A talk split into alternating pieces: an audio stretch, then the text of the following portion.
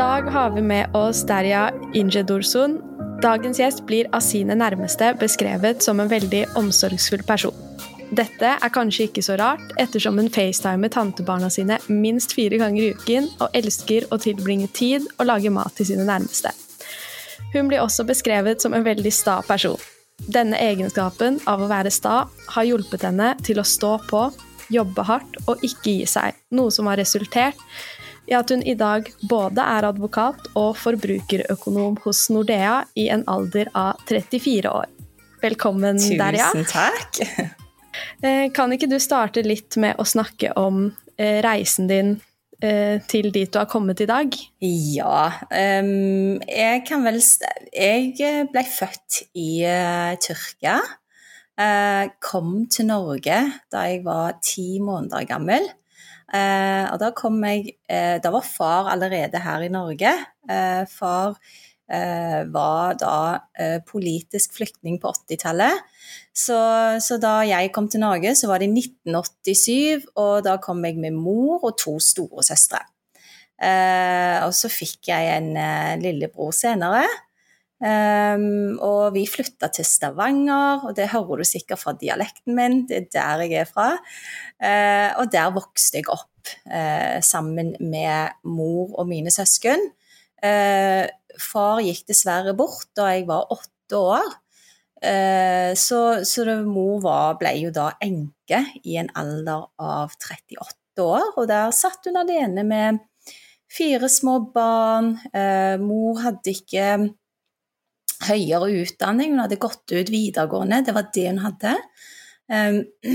Far da, han var maskiningeniør, utdanna som det, men, men, mor hadde ikke noe høyere utdanning, så der satt hun igjen med fire små barn, ikke så god økonomi den gang. Altså hun kunne ikke språket så veldig godt, så, men, men, så tok hun tak og lærte språket, kom ut i jobb og tok godt vare på oss. Um, ja, og så har det jo vært altså, menneskerettigheter, eh, altså rett og galt, det har stått ganske høyt på agendaen i hjemmet. Eh, det har vært veldig viktig i vår familie, så, så det inspirerte meg til å eh, ta jusstudiet. Vi vet at du er en person som står veldig på, du jobber hardt, du legger inn timene, du på en måte gir deg ikke. Hva er det som har liksom fått deg til å få frem disse egenskapene, da? Jeg tenker at det kommer fra uh, mine opplevelser, uh, annet fra barndommen. Um, og, og, jo eldre jeg har blitt, så jo mer har jeg uh, fått lært og sett og hørt om min f.eks. Altså bl.a. fars historie, eh, som har inspirert meg veldig. Um, for han var en um, Jeg kan si jeg er veldig lik han. Han var veldig sta, han var veldig bestemt. Um, uh, og det, det, har litt med livserfaringen å gjøre. Opplevelsene på, på ting som har vært urettferdig. Uh, som jeg har reagert på. Eh, det har vært det å si, se mor som har vært så sterk, alene med fire små barn, eh, og tenkt at ok, her har mor gjort en god jobb, men i, her vil jeg Hva skal jeg si Jeg vil gjøre annerledes. Altså, jeg vil være forberedt på ting. Fordi at livet kan noen ganger være veldig tøft. Um, men, eh, men, så er det det at uh, da jeg jobba i advokatfirmaet, så jobba jeg veldig mye med straffesaker. Uh, begynte med sivilsaker etter hvert. Men, men, det var det å liksom komme inn i, i det der straffesystemet, forstå det mennesket bak den kriminelle handlingen, og ikke være fordomsfull. Eh, ja, det, det, å lære mennesker å kjenne eh, Jeg er så nysgjerrig. Så, så, så det er sånn mye miks i personligheten min som har gjort at jeg er der jeg er, da. Ja. Uh, det jeg på en måte også tenker da, er at jeg tror veldig mange kan kjenne seg igjen i deg og på en måte den bakgrunnen din. For hvis jeg skal ta meg selv som et eksempel også, så har jeg jo på en måte ikke hatt Foreldrene mine har jo ikke noe akademisk bakgrunn. Eh, og det å på en måte ha et sånt forbilde som deg, da, og kunne se på en måte hvor langt du har kommet, eh, selv med disse utfordringene underveis, det tror jeg det er bare veldig inspirerende å se. Mm, selv om man ikke har nødvendigvis liksom nettverket og ressursene, selv om du på en måte starter på bånn, så er det på en måte mulighet for å bygge seg opp. Hvis man bare Ja, jeg føler kanskje når man har en litt vanskelig oppvekst, så har du på en måte to valg. Either it breaks you or makes you. Og så tror jeg også det der med å på en måte Ja, selv om kanskje foreldrene våre ikke har hatt de høyeste stillingene, ikke har hatt den høyeste utdanningen, så er det jo på en måte fortsatt en inspirasjon, fordi de har liksom kommet til Norge og på en måte bygget et helt liv fra ingenting. Og jeg tenker at Det handler litt om den arbeidsmoralen, ja, liksom, da, som de har arbeidsmoralen hatt. Arbeidsmoralen og driven, så det er jo veldig mye man kan hente fra sine egne foreldre, selv om ikke de er liksom CEO i liksom Statoil. Nei, det er helt riktig. Ehm, så klart, det, det krever jo eh, det krever jo litt mer arbeid altså jeg tenker skolearbeid, barneskolen, ungdomsskolen, videregående. Ehm, eh, eh, du får kanskje ikke den samme hjelpen som kanskje en med norsk etnisk bakgrunn kan få hjemme. Sånn at det krever jo mer arbeid. Um, uh, men, men, så lenge du har uh, uh, viljen der, lysten og energien, så, Eh, så kan man så klart klare det.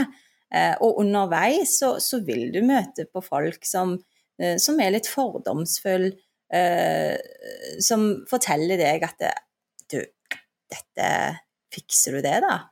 Eh, sant? Eh, nei, dette klarer du ikke. Eh, ja, denne drømmen kan du bare glemme. Ikke sant? Og så, og så handler det da om å, om å være såpass trygg nok på seg sjøl og si at Vet du hva, dette tror jeg på, dette har jeg bestemt meg for. Jeg hører mer på min stemme enn andre stemmer. Um, men, men, det er jo veldig lett å ikke gjøre det heller, ikke sant? Men har du opplevd noen sånne fordommer? Eller Ja, altså um, Ja, altså jeg, jeg tenker på uh, da jeg var altså barndommen, un, altså ungdomsskolen og Eh, så er det jo så, så, i ettertid så har jeg jo tenkt eh, mye på hvorfor ble dette sagt? Fordi da hadde jeg jo en rådgiver som um, vi, vi, skulle søke oss inn på videregående, og jeg ville gjerne søke på en linje som ga meg studiekompetanse, sånn at jeg kunne studere på universitet. Um, og, og, da vi, og, da gikk vi inn til rådgiveren og hadde samtale, for der skulle rådgiveren veilede oss da på hva vi kunne søke på osv. Så, videre. så da var jeg inne hos, eh, hos um, rådgiveren, og da eh, sa jeg at jeg ønsker studiekompetanse. Jeg, uh, jeg kan se for meg at jeg vil studere juss, bli advokat en dag kanskje. Uh, og da mente hun at det ikke var noe for meg. Eh, og at jeg heller kunne ta et fagbrev, gå to år på videregående, og så var jeg rett ut i jobb. Og da, da kunne jeg bare begynne å jobbe og tjene penger, eh, med et veldig varmt smil. og da og jeg fikk ingen forklaring på hvorfor hun mente at det var den veien jeg burde gå, og ikke den eh, det jeg hadde skissert. Og, og, altså ikke Ja. Og, og da eh, jeg lytta jo ikke til henne. Altså, jeg lytta ikke på henne. Jeg eh, hadde en prat med mor. Mor sa du, du velger det du sjøl ønsker. Eh, så jeg valgte å høre på min egen stemme. Eh, men jeg lurer fortsatt på Og det er jo ingenting galt. Det er jo kjempefint å ta fagbrev. Vi trenger alle yrker. Eh, men her fortalte jeg hva jeg ønsker. Så, så, så hvorfor mente hun at det ikke var noe for meg? Eh, jeg tror det handler veldig mye om eh, mangelen på rollemodeller. At hvis, hvis, man ikke har sett noen som har fått det til før, så tenker man kanskje hun ikke får det til, hun heller. Og fra min egen historie så er det jo sånn Jeg har alltid på en måte vært annerledes når det kommer til eh, hva jeg drev med. Så en periode så spilte jeg sjakk, og så nå vil jeg bli gründer. Jeg har på en måte alltid fått høre av alle rundt meg, uh, utenom uh, faren min, da, at liksom Nei, men hvorfor skal du gjøre det, og ja, ja, ja, Kim, jeg vet jo at det er noen som har fått det til, men hvor mange er det som har fått det til? Bare liksom Hold på med jusstu, det er liksom det som er trygt. Ja, for jeg fikk jo sånne kommentarer når jeg startet på jusstudiet også, så var det jo folk som sa å ja, men da kommer du jo ikke til å få jobb, eller Så hadde jeg ikke starta å studere engang, jeg hadde liksom kommet inn, da. Og det, den kommentaren husker jeg liksom enda da, etter tre år. Så det bare liksom viser hvor mye sånne Ja, hvordan sånne liksom, jeg vet ikke hva man skal kalle det, fordommer eller Ja, påvirker deg, da. Mm. Det handler jo òg om å få eh, den heiagjengen, den støtten, om det er fra venner, familie, voksne personer rundt deg når du er barn eller ungdom. Det, det handler om å få den støtten. Eh, jeg tenker det gjelder for enhver, uavhengig av hvilken alder man er. Altså Får du støtte, så kan man komme langt, ikke sant.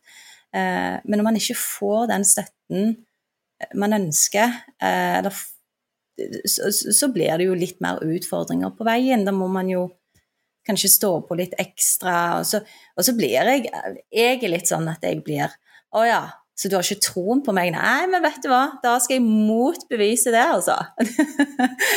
så det blir liksom enda mer sta. og det er derfor du er her, på en måte, i dag, da. Fordi du har alltid tatt valget om å vokse enn å på en måte være offer for alle disse tingene her. Men vil du fortelle litt om eh, hvordan var det å starte på jusstudiet, og hvordan var det å senere starte i jobb som da flerkulturell kvinne?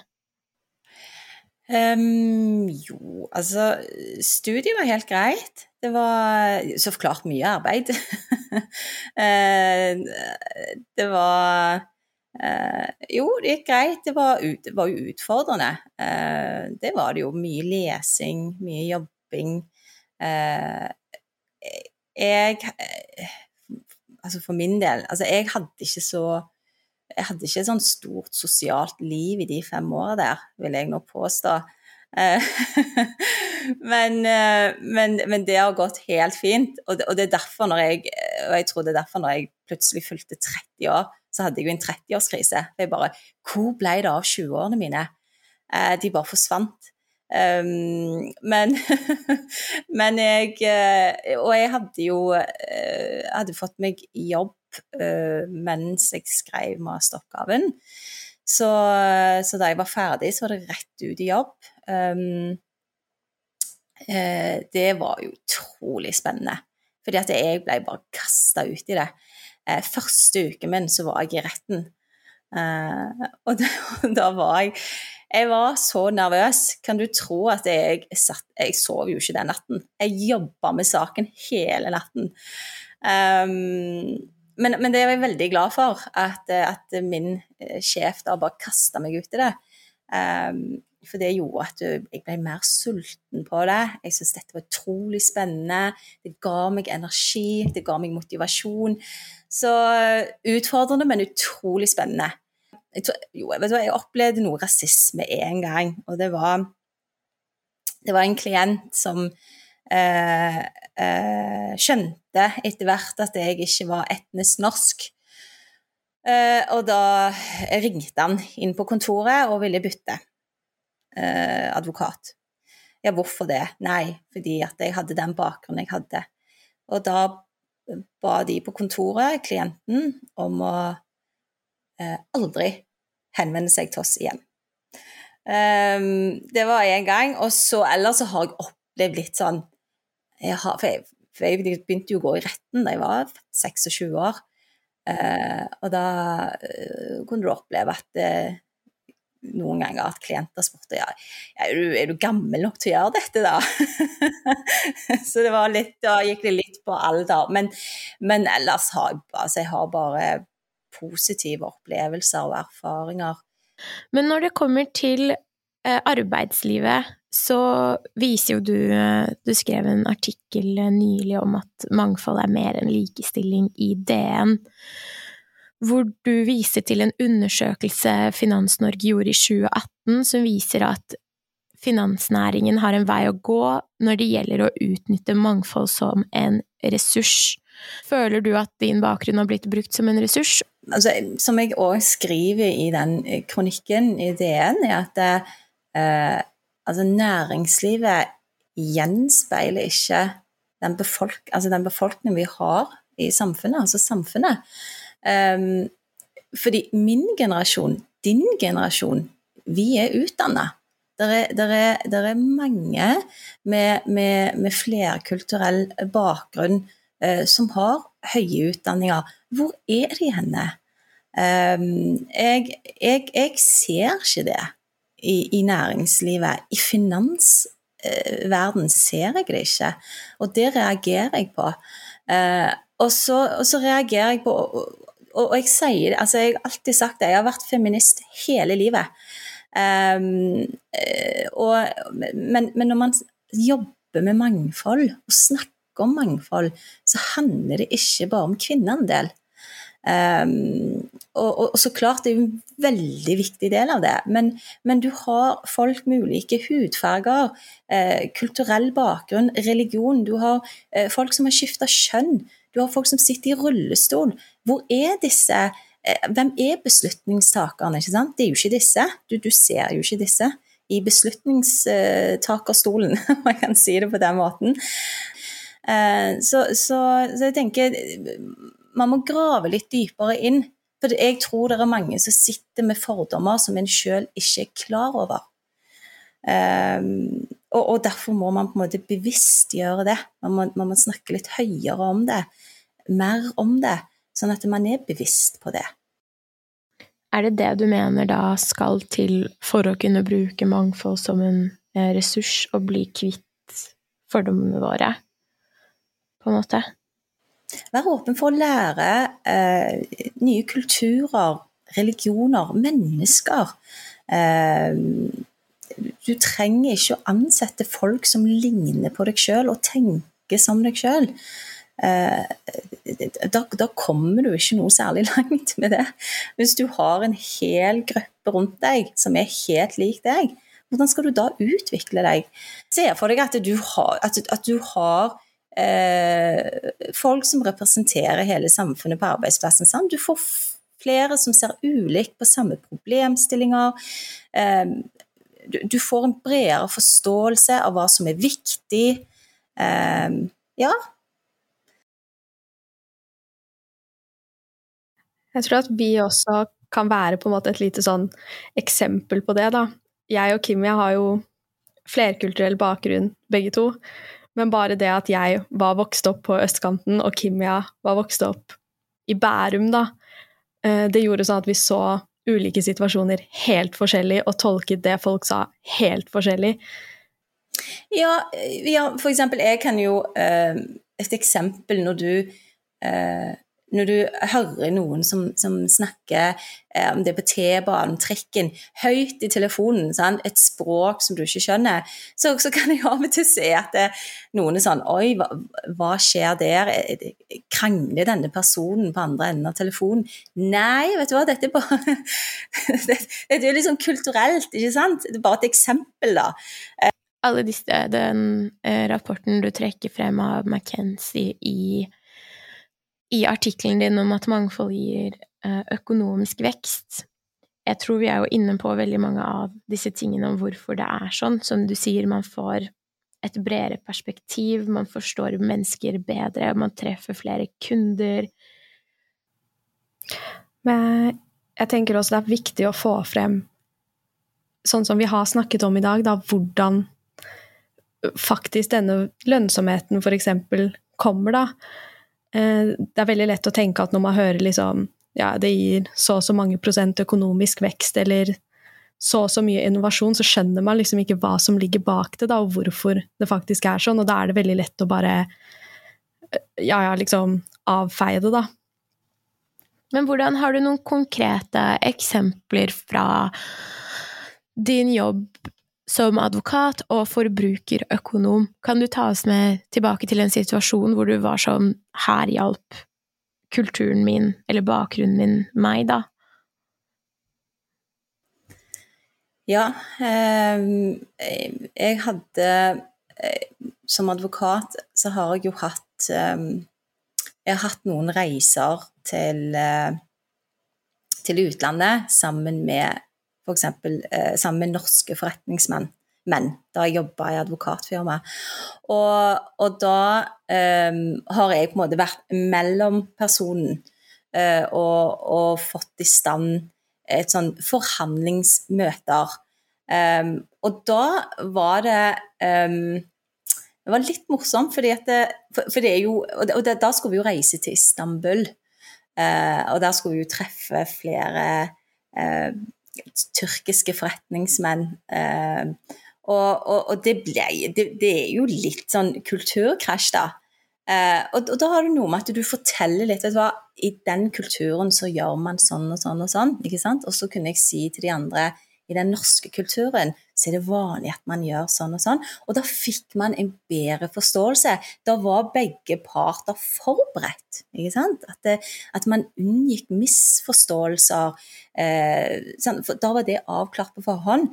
Eh, og jeg opplevde jo at han, han ene, når de var ferdige, at når han skulle hilse, så tok han jo ga skyss på kinnet, for det, sånn, det, gjør man jo der nede.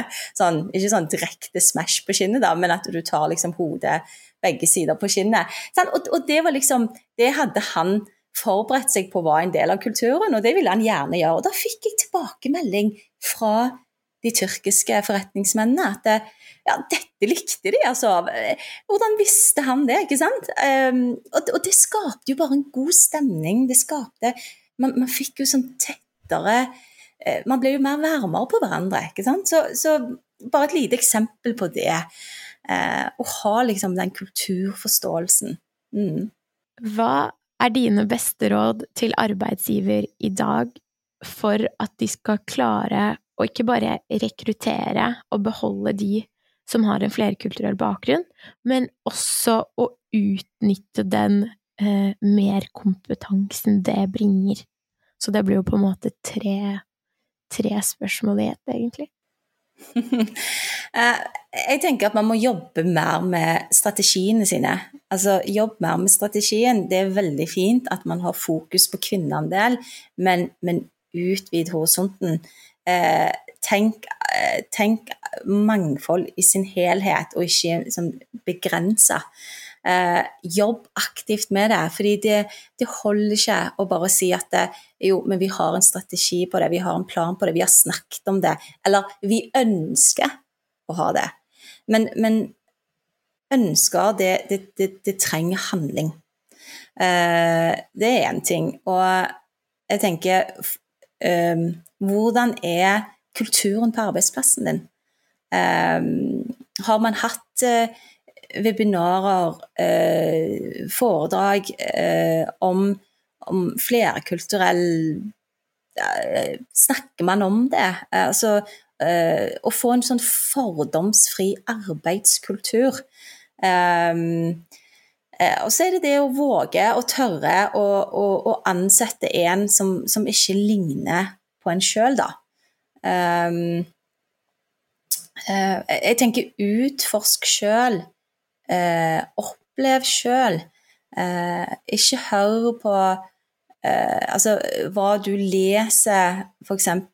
i media, eh, hva du hører fra andre, eh, hva denne statistikken sier om akkurat Finn ut av det sjøl. Det er eh, Ja, som jeg sier, vær jeg tror, jeg tror, man må Og dette gjelder for enhver, tenker jeg. Vær bevisst på eh, fordommene dine.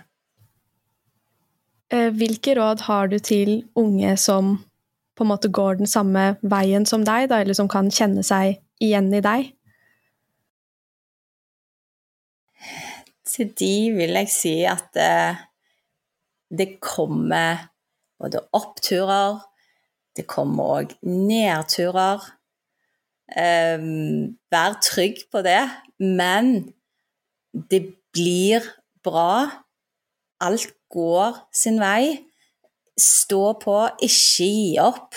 Eh, du vil møte, du vil møte på folk som eh, vil si at dette klarer du ikke, eller eller dette blir vanskelig. Eh, men lytt til din egen stemme. Eh, og, og, og, jeg tenker um, Det viktigste for meg har vært å ha uh, Altså, det har hjulpet på min motivasjon. Det å, å alltid når jeg, når jeg, jobber for noe, så har jeg alltid håpet på plass. Altså, sånn veldig kort Så lenge Altså, har du troen på deg sjøl, så når du veldig langt. Troen og tryggheten. Du, altså, jeg har opplevd Jeg har jo opplevd mye sånn hersketeknikker òg. Um, du, du var en ung pike, du. Sant? du uh, hvem er du som skal fortelle meg dette, eller gjøre? Ignorer det. Det er ikke lett i starten. Så klart du går jo uh, hjem og, så, sånn, når, når, du opplever det første gangen, andre gangen, så tenker du sånn Så kjenner du på en sånn tristhet, litt sånn merkelig følelse. Du, men vet du hva? Det er bare kunsten å bare ignorere det. Og så fort du gjør det, så er det sånn This is my world. Og, og her kan ikke du komme inn og, og stoppe meg. Men, eh, men, så klart, det er det å jobbe litt med seg sjøl. Altså, jeg sier jo ikke at det, sånt var jeg sånn På et klipp så var jeg der. Nei. Eh, sånn, du, du, jobber jo med deg sjøl, og, og og etter alle erfaringene, så, så, begynner du å gi litt Hva skal jeg si, kan jeg si gi litt faen i sånne negative kommentarer? jeg tror det du sier med at det er en eh, Det med å være trygg på seg selv, at det er nøkkelen, og at det tar tid. Jeg tror det er veldig viktig, jeg tror det er både noe jeg og Sevgi kan kjenne oss igjen i, fordi jeg husker på starten, når vi begynte på på studiet, og så skulle vi starte dette selskapet her, så var vi Vi følte oss som to babyer. Det var liksom sånn vi snakket om oss selv. Og eh, man var liksom veldig mye redd, man var veldig mye stressa. Men med tiden så har man liksom klart å få den tryggheten, men det har nok vært fordi vi også har hatt en bevisst holdning til at hvis ikke vi blir trygge på oss selv, så kommer vi ikke til å overleve i dette gamet her, på en måte. Og ja, det har nå liksom tatt tre år, så vi føler at vi er der snart, men fortsatt en vei å gå. Da har vi kommet gjennom eh, kommet gjennom eh, innspillingen, og jeg vil bare takke for at du har delt eh, så åpent og ærlig om deg selv, om historien din, og det har inspirert meg, og jeg er sikker på Sevgi, utrolig mye. Og jeg liksom føler for første gang på lenge at man har liksom noen å, å se opp til og tenke at liksom hvis hun fikk det til, så kan jeg også på en måte få det til, da. Tusen takk. Det var veldig, veldig hyggelig å høre. For når jeg ser på dere to, så Jeg ser meg sjøl. Jeg gjør det. Når jeg eh, studerte eh, den usikkerheten, eh, den nervøsiteten eh, på hva som vil møte deg ikke sant, i, i fremtiden. Så, men vet du hva, jenter, det, du begynner å bli, gir litt faen etter hvert, altså. Du gjør det. Mm. Jeg tror mange kommer til å sette pris på denne episoden. Det tror jeg. ja, det tror jeg òg.